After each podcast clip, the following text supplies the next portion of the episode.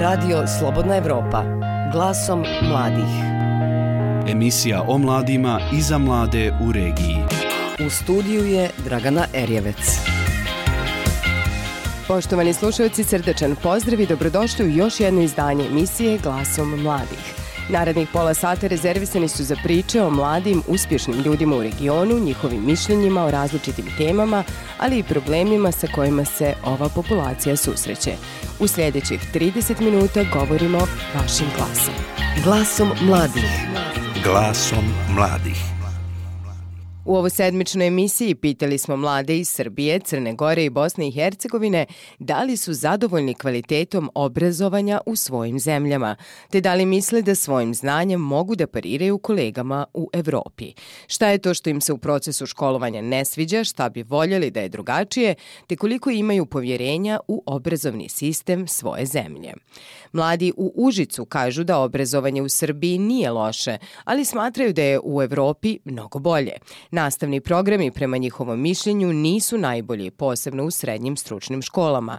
Saglasni su da škole treba modernizovati. U prilog kvalitetu obrazovanja u Srbiji ipak navode uspjeh mladih na takmičenjima u svijetu. Sa mladima u Užicu razgovarala Novka Ilić.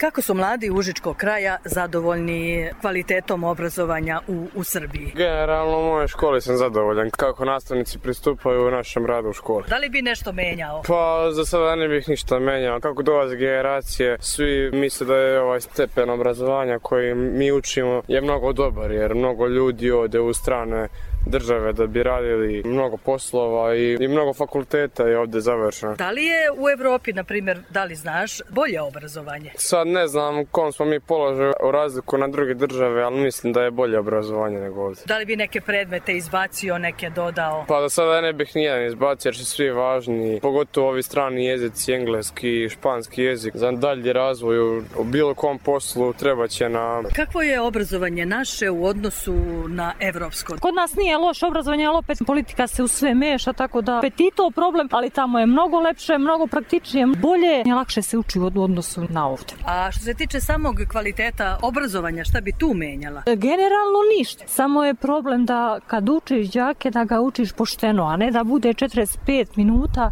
da samo otaljaš, nego da ga zaista naučiš. A kako su mladi ljudi u Užičkom kraju, odnosno ti, zadovoljni kvalitetom obrazovanja? Pa nije loš, iskreno, nekad mi se čini da je čak i bolje ovde nego negde drugi. Po Evropi ili? Pa uglavnom. Šta ima da nije dobro? Pa možda princip rada, što, kako profesori postupaju sa učenicima i tako. Da li bi našim obrazovanjem mladi u našoj zemlji mogu da pariraju u Evropi? Pa sve zavisi, neki bi, neki ne. Koga zanima može, koga ne zanima neće, neće moći. Ja mislim da srednje stručne škole treba imaju manje predmet koji nisu vezani za tu struku. Ja učim medicinsku školu, meni nije toliko neophodna, na primjer, matematika za medicinu, jer ja sam zubni tehničar i meni to nikad neće trebati posla, ali mislim da ima previše nebitnog.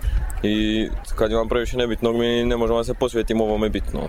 Naše obrazovanje, kada bi poredio sa obrazovanjem u Evropi, kako bi video taj odnos? Pa ne znam, mislim da nismo mnogo iza, mislim. Radili smo ne pisa testove i tu smo se pokazali loše, ali, ali ovako mislim da nismo mnogo iza. A kada bi ti menjao, sem toga što si mi rekao, šta bi još promenio? To je to uglavnom. Mladi sa kojima je u Bihaću razgovarala Dženita Dureković nisu zadovoljni obrazovanjem u svojim sredinama.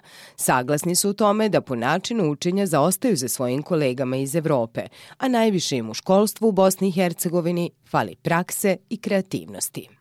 Nedostatak prakse, način predavanja je odnos profesor-student, nedovoljna opremljenost ovdašnjih fakulteta samo su neki od razloga zbog kojih su naši sagovornici nezadovoljni obrazovnim sistemom u Bosni i Hercegovini, a na čemu bi, ukoliko žele zadržati mlade, odgovorni trebali hitno poraditi.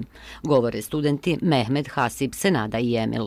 Definitivno da nema dovoljno prakse, da nema dovoljno unošenja kreativnosti u obrazovni sistema. Kreativnost je danas kao jedan od najpoznatijih, najznačajnijih resursa, doprinosi i ekonomskom i društvenom razvoju. Tehnički preduslov, moramo da se pitamo u kakvom to mi ambijentu radimo, na koji način smo opremljeni, a naravno, evo, kao student ekonomskog fakulteta moram da kažem da smo na samom početku se jel, nekako dolazili u sukup s tim izazovima tehnike, odnosno tehnologije. Mislim da to nije usavršeno kao u nekim stranim zemljama što se tiče svega. Ja mislim da bi se trebalo nekako i studenti, ne samo studenti, već i srednje škola nekako više pripremiti na neki taj radni odnos. Ono što nama stvarno nedostaje to je neki oblik prakse i mislim da se po tome razlikujemo u odnosu na druge države i na druge univerzitete. Po same teorije i samog bubanja toga nema ništa. Mislim, mi možemo naučiti sve to, ali bez primjenjivanja u praksi više manje toga nema ništa. Šta misle o obrazovanju pitali smo i one nešto mlađe koji su na početku srednjoškolskog obrazovanja. Faruk i Emelin kažu da su općenito zadovoljni, ali da ima stvari na kojima bi trebalo poraditi. Način predavanja. Puno nastavnika samo iznesu činjenice na tablu i onda mi to učimo, ali djeci treba objasniti predmet, treba objasniti kako da on taj predmet povežu sa stvarnim životom, tako. Imate više tipova učenika, neki, neki nisu zadovoljni njima da date Albert Einsteina da im predaje njima se to neće opet, opet će im nešto faliti.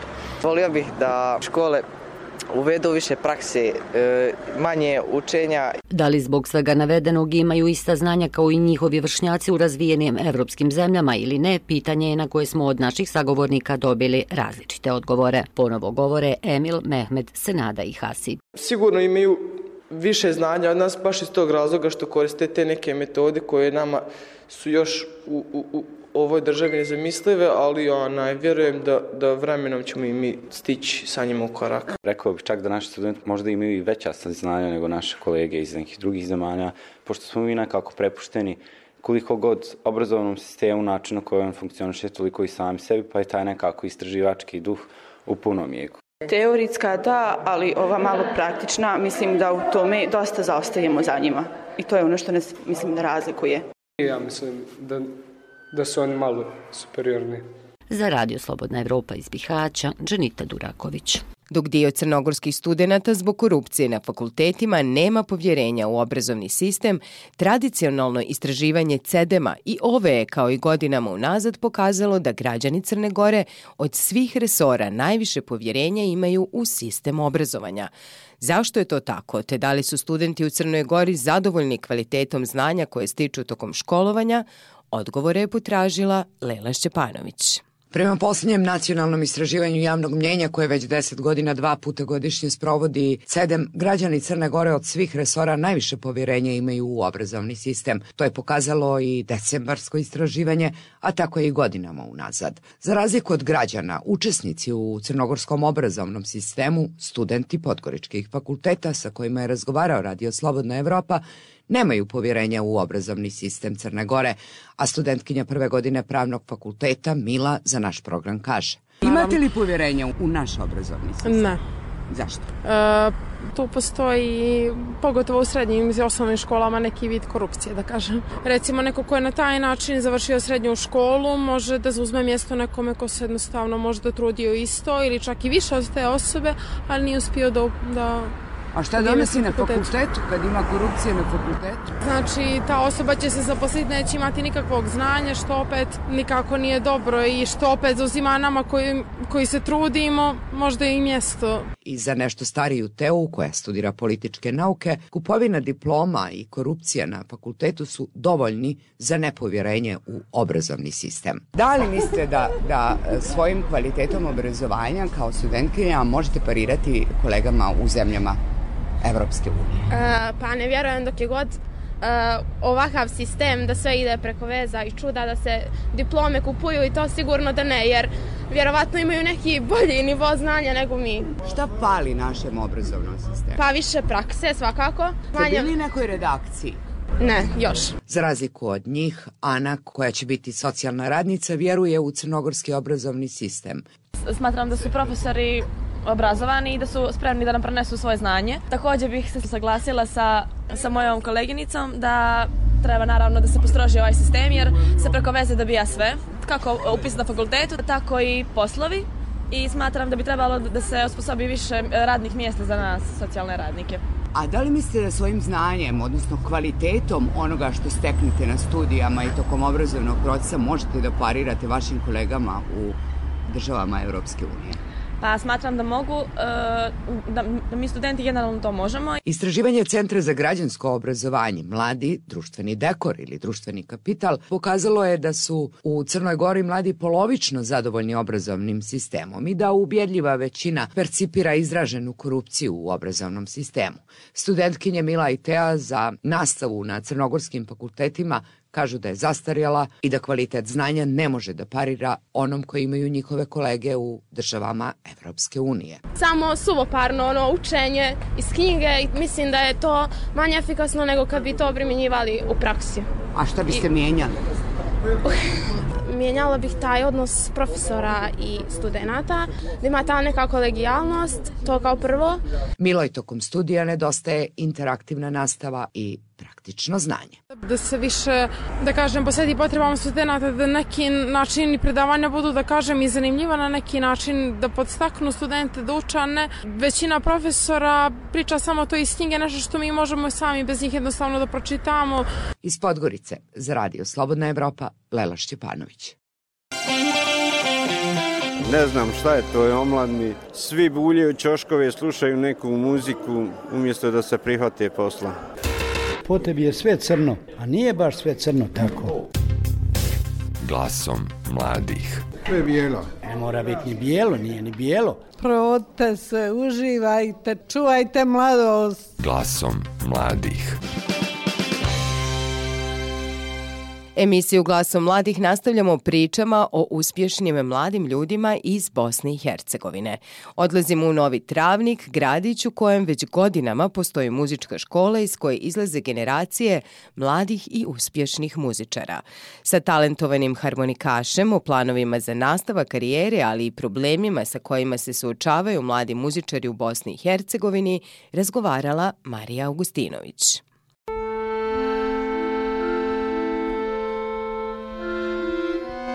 Ja sam Mihal Baškarad, e, učenik sam četvrtog razreda srednje glazbene škole u Novom Traniku. Pa harmonika sad kao e, instrument, to je kao dio mene, jer ja sam u svim zagrljen za nju. Mihajlova ljubav prema harmonici traje već više od deset godina, a nakon završene osnovne, srednja muzička škola za njega je bila logičan izbor. Moj odabir instrumenta je bio sasvim slučajan, tata je slučajno izabrao harmonku, ja sam na to pristao i tako je počelo moje obrazovanje i stvarala se ljubav prema harmonici i muzici općenito. Na ovom balkanskom području harmonika je zastupljena jedino kao instrument narodne muzike. Dok harmonika kao instrument je jedan od instrumenta sa najviše mogućnošću izvođenja bilo kakvih kompozicija.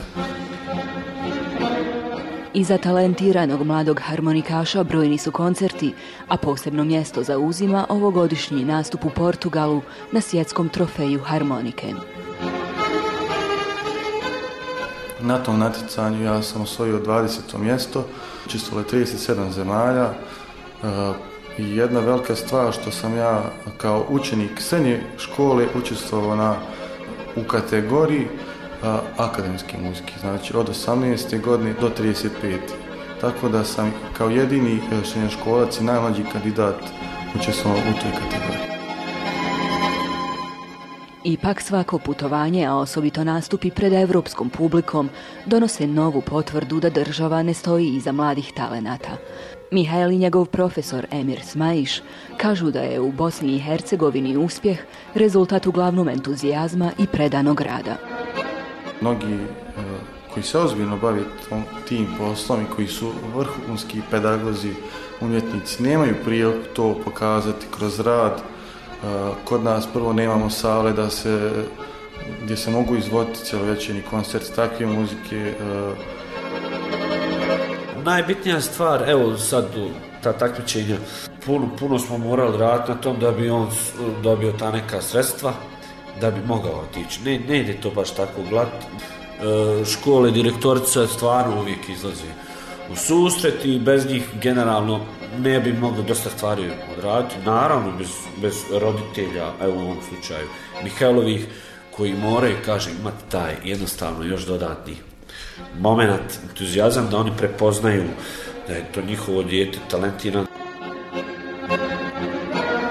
Iako svjestan da prilike u Bosni i Hercegovini nisu naklonjene zaljubljenicima u klasičnu muziku, Mihael vjeruje da će ona prerasti u njegov životni poziv. Sljedeća stepenica je Muzička akademija u Sarajevu. Harmonika kao um, moj život će ostati sigurno i bavit ću se harmonikom što budem profesionalnije mogao i nastaviti studije. Za Radio Slobodna Evropa iz Novog Travnika, Marija Augustinović. Glasom mladih. Glasom mladih. Gdje su volonteri? Otišli u Njemačku. Ovako bi možda mogao da glasi vic, ali nije riječ o šali nego o posljedicama odlaska mladih u nevladinom sektoru u Doboju. Na sve manje volontera ukazuju i u gradskom Crvenom krstu. Mladi sa druge strane iznose svoje primjedbe, među kojima su i finansijske. Oni istovremeno ne preve razliku između volonterskog rada i obavljanja pripravničkog staža. Za njih je pripravnički rad volontiranje koje, na primjer, u bolnici još moraju da plate. Slušamo Arnesa Grbešića. Tokom posljednjih deseta godina u različitim kampanjama, ekološkim, humanitarnim i drugim akcijama Dobojskog udruženja građana TOPR učestvovalo je oko 350 volontera. U ovoj godini nije evidentiran ni jedan novi volonter, kaže predstavnica udruženja Snežana Šešlija. Mi otprilike na godišnjem nivou smo imali negde oko 17 do 18 novih volontera. U 2019. taj broj je nula. U zadnjih pola godine nama je u danu otišlo na rad u Nemačku negde oko 30% naših volontera, znači ljudi koji su bili vrlo, vrlo aktivno uključeni u sve naše aktivnosti. Na sve manje volontera ukazuju i u gradskoj organizaciji Crvenog krsta, govori njen sekretar Mihajlo Arsenić. Mi osjećamo već da je sve manje manjih mladi, znači narednih godina ako se nešto ne odradi, da se zaustavio i mladi, bit će problemi za volontere, bit će problemi kako pomoći i stari zemljivim osobama, pogotovo u ruralnim područjima, mjesnih zajednica, seoska područja. Volontiranje istovremeno nije naročito popularno među mladima, kaže dugogodišnja volonterka udruženja TOPR, profesorica sociologije Nataša Đorđić. Mladi gledaju zapravo kako da što brže i što lakše odu iz Bosne i Hercegovine, tako da to volontiranje me nekako sporedno ne vide izlaz u tome. Prvenstveno je ne volonter kao volonter u ovoj državi nema neka određena priznanja. Ne priznaje se u školi, ne priznaje se na fakultetu i jednostavno to im nije cilj. Mladi volontiranje povezuju i sa plaćanjem. Tamara Cvjetković ima 19 godina i do sada nije stekla volontersko iskustvo. Kod nas volontiranje pretežno nije plaćeno i mislim da to nije u redu. Da je plaćeno, vjerovatno bi bili više zainteresovani. To je u suštini tačno, ali to nije prava istina, odgovara Snežana Šešlija te dodaje. Vrlo je nezgodno, pogotovo na vladinom sektoru, da pronađe u zakonu mogućnost da isplati volontera. Jer sve donatori traže da mi imamo volonterske akcije, ali podrazumeva se da država brine o tome, znači da postoji institucionalno fondovi koji će isplaćivati, jer vi nemate volontera ako ga ne platite. Mislim, ne njega lično i njegov rad, ali u svakom slučaju da platite boravak negde na terenu i tako dalje. Znači, delimično su mladi ljudi u pravu. Nataša Đorđić. Ako volontirate kod određenog poslodavca, on mora da ima ne, da plaća određene doprinose, a u tom svemu volonter mora da bude na, na nuli. Ne smije biti ni u minusu, ne smije biti ni u plusu. I to se opet na kraju krajeva ne isplati ni poslodavcima. Među mladima u Doboju istovremeno postoji mišljenje da obavljanje pripravničkog staža predstavlja volontiranje. Anđela Gojković ima 20 godina i završila je srednju medicinsku školu. Mi zdravstveni radnici moramo da odradimo taj pripravnički staž koji traje šest mjeseci kako bismo mogli da radimo kao medicinski radnici. To, je, to se zove volontiranje jednostavno to se radi besplatno. Imamo dosta uh, volontera koji živi u udaljenim mjestima i treba svako jutro da putuju, barem ili da se ima topli obrok ili taj put da bude plaćen. Tako razmišlja i Sandra Ignjatović koja je također završila medicinsku školu. Ona napominje da se obavljanje pripravničkog staža plaća. Fizioterapeutski tehničar. Odrađujem pripravničku bolnicu. Nije plaćeno. Mi smo dužni da uplatimo. Šta?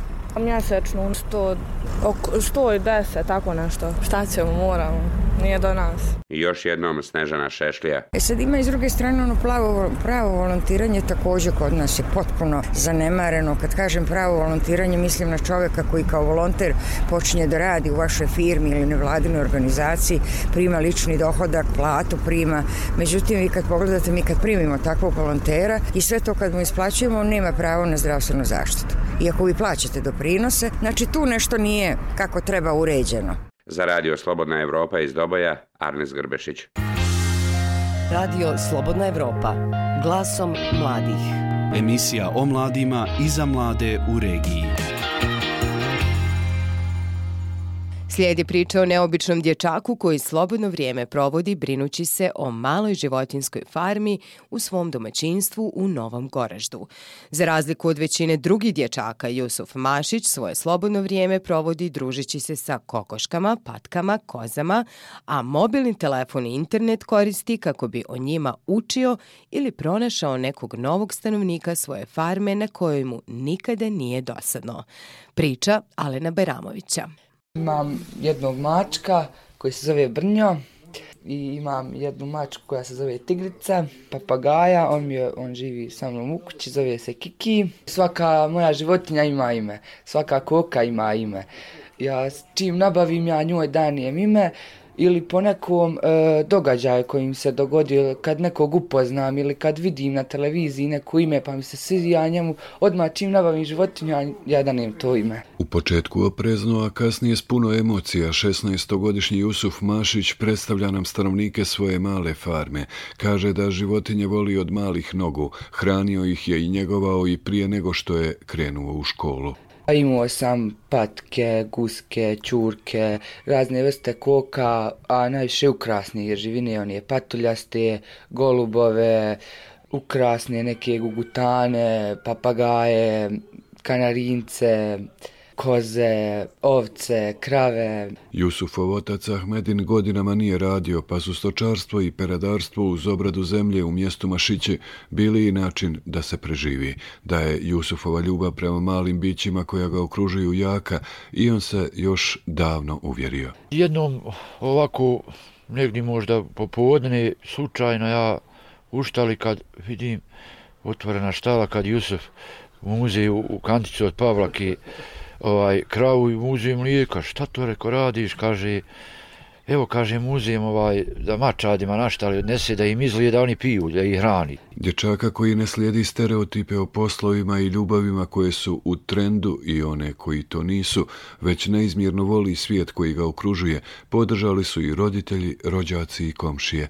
Jusuf je svakodnevno sa svojim ljubimcima, gradi im nove objekte, bazene s vodom, brani ih od pasa, lutalica i čini da se osjećaju udobnije. Ahmedin Mašić. I onda je on počeo to sam da, da nešto skupi para ili mu neko dan je dal Bajramluka, dal nešto ovako slično ili Nena ili onaj ja ili bilo ko i tako on nešto je počeo to da kupuje da nabavlja te životinje, volio je to i voli i danas. Ne fali Jusufu ništa od tehnoloških čuda što koriste i njegovi vršnjaci, ali mu oni služe za druge potrebe. Pa ja imam i kompjuter i telefon, ali ja ne koristim igrice.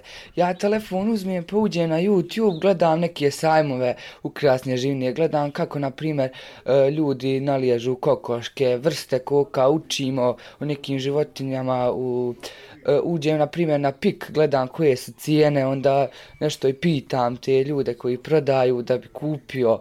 Imam jednog e, prijatelja u Saraju koji mi to najviše dobavlja i imam jednu prijateljicu iz Bijeljne i ona mi to dobavlja. Čak i iz Srbije e, dobavljam životinje. Nije imao posebnog izbora pa je upisao srednju stručnu školu u Goraždu i budući je prerađivač gume i plastike. Ipak Jusuf svoju budućnost ne vidi u fabrici. Oni koji ga poznaju duže vrijeme kažu da će najvjerovatnije biti doktor veterinarske medicine, ali dječak pun ljubavi prema životinjama u povjerenju nam otkriva. Ne znam šta će me život odvesti sad. Tako ja budućnost planira možda ako Bog da neku manju farmu. Još se nisam odlučio šta, ali između koka, koza i razmišljao sam, gledam ljudi sad um, uzgajaju magarce. I to je mlijeko vrlo ljekovito. Ja sam sad počeo sam, eto, imam jednog čovjeka, um, u Rudom koji drži, e, ima jednu manju farmu magaraca, pa, pa sam sa njim pričao da bi ja to jednog kupio, jednu magarcu, pa da to i to bi možda počeo.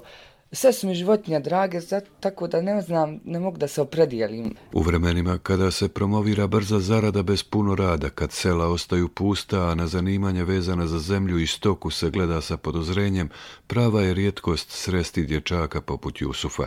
Njegovi uzori nisu uporni učesnici takmičenja u pjevanju, oni koji čekaju na poslove u državnoj službi, a pogotovo ne oni koji su i stvorili sistem u kojem se nerad često nagrađuje. Čim je prohodao Jusuf je znao kojim putem će krenuti. U društvu svojih ljubimaca osmijeh mu ne silazi s lica, a za predrasude i stereotipe o manje popularnim poslovima nema vremena razmišljati. Za radio Slobodna Europa iz Goražda, Alen Bajramović. Glasom mladih. Emisija o mladima i za mlade u regiji. Nedjeljom u 18 sati i 30 minuta. Filip Križan jedan je od nagrađivanijih hrvatskih glumaca mlađe generacije. U deseta godina glumačke karijere ostvario je značajne uloge u teatru i na filmu. Nedavno je gostovao u Sarajevu sa predstavom Cigla, Zagrebačkog dramskog kazališta Gavela u okviru festivala Dani Jurislava Korenića. Sa Filipom Križanom razgovarao kolega Ivan Katavić. Gospodin Križa, nedavno ste boravili u Sarajevu gdje ste igrali u predstavi Cigla na festivalu Dani Jurislava e, Korenića. Kakve su vaše impresije nakon igranja te predstave i kako je sarajevska publika prihvatila evo e, sam tekst? Pa ovaj, scena kamernog teatra je zaista jedno posebno mjesto. Ona je tako tako intimna, bliska, tako da su ovaj, reakcije bile zapravo i drugčije e, nego u Zagrebu. Mi to inače igramo u puno većoj dvorani, tako da smo ovdje imali jednu stvarno posebnu večer. Mislim da smo svi bili zadovoljni i sretni. Predstava Cigla autora Filipa Šavagovića govori o jednoj da kažem, izgubljenoj generaciji, odnosno utjecaju rata na sve nas. E, kako ste vi doživjeli ovu ulogu i koliko je važna ova tema? Pa mislim da je svakako važna. Mislim, tu su prvo, u, ovoj predstavi se pojavljuju dva lika cigle. To je taj jedan e, prije mobilizacije jedan koji se vrati ovaj, iz rata e, koje, koje je jedna potpuno druga ličnost ovaj, u tom trenutku. Sad, meni se činilo da je to dosta važno i da je važno o tome govoriti e, i ispitati što nam to danas znači, s obzirom da je rat i onako prisutan ovaj, u glavama ljudi i to sad ne mislim samo na ove zemlje e, sa Balkana, nego mislim i na, na zapadne zemlje koje su, ovaj, doduše nisu opterećeni tim ratom 90-ih, ali su ovaj, i dalje i dalje drže jako puno do tog sjećanja uh, o, drugom svjetskom ratu i, i, mislim da je vrlo važno o tome ovaj, govoriti i, i, i upaliti nekako svjetlo i svijest da se neke stvari ne bi ponovilo više nikad. Spomenuo bih vašu ulogu u filmu Goran uh, Nevija Marasovića. Po mom mišljenju je to dosta neobičan i težak film. Evo kakva su vaša iskustva sa tog seta i sa, sa rada sa cijelom ekipom? Pa mislim, to je isto bio jedan, jedan poseban proces. Prvo što je sam pisac ovaj, uh, iz Skandinavije, i, i, a, a pisao je o ljudima koji žive u Gorskom Kotaru. Tako da uh, donijelo je tu neku univerzalnost, mi smo to polugerilski nekako snimali. Velika ljubav i trud je uložen u taj film uh, i išlo se nekakvim obrnutim putem, prvo se snimilo pa su se onda tražila produkcijska sredstva i tako bila je borba, ali u svakom slučaju jedno dragocjeno iskustvo. Koji su još aktualni projekti na kojima trenutačno radite? Pa evo ja ovaj, ove godine sam stvarno imao zahtjevnu godinu u kazalištu. Imao sam ovaj, četiri premijere, od toga dvije u kazalištu Gavela, jednu u teatru Exit i, i jedan projekt sam radio u kazalištu slijepih i slabovidnih. A ovaj, trenutno pripremam nešto novo u, u teatru Exit, ali eto o tom potom, kad bude gotovo onda ću o tome e, više moći reći. Imate li možda neke ciljeve uh, ili snove u glumačkoj profesiji koje niste ostvarili, a željeli biste? Pa gledajte, ja vam ovaj, nekako to gledam kao na dio svog života uh, i ne odjeljem. Nije da imam neke uloge koje bi igrao ili ne znam, ne, ne znam što bih uopće odgovorio na to pitanje. Mislim da je da za sad sam imao stvarno lijepih prilika uh, i da nekako kad čovjek uh, manje očekuje da mu se možda one prave stvari i dogode sasvim spontano. Filipe, hvala puno na razgovoru. E pa hvala vama i svakom. Bilo je to sve u ovoj sedmičnoj emisiji Glasom mladih. Iz Sarajevskog studija pozdravljaju vas Enes Hrnjičić i Dragana Erjelec.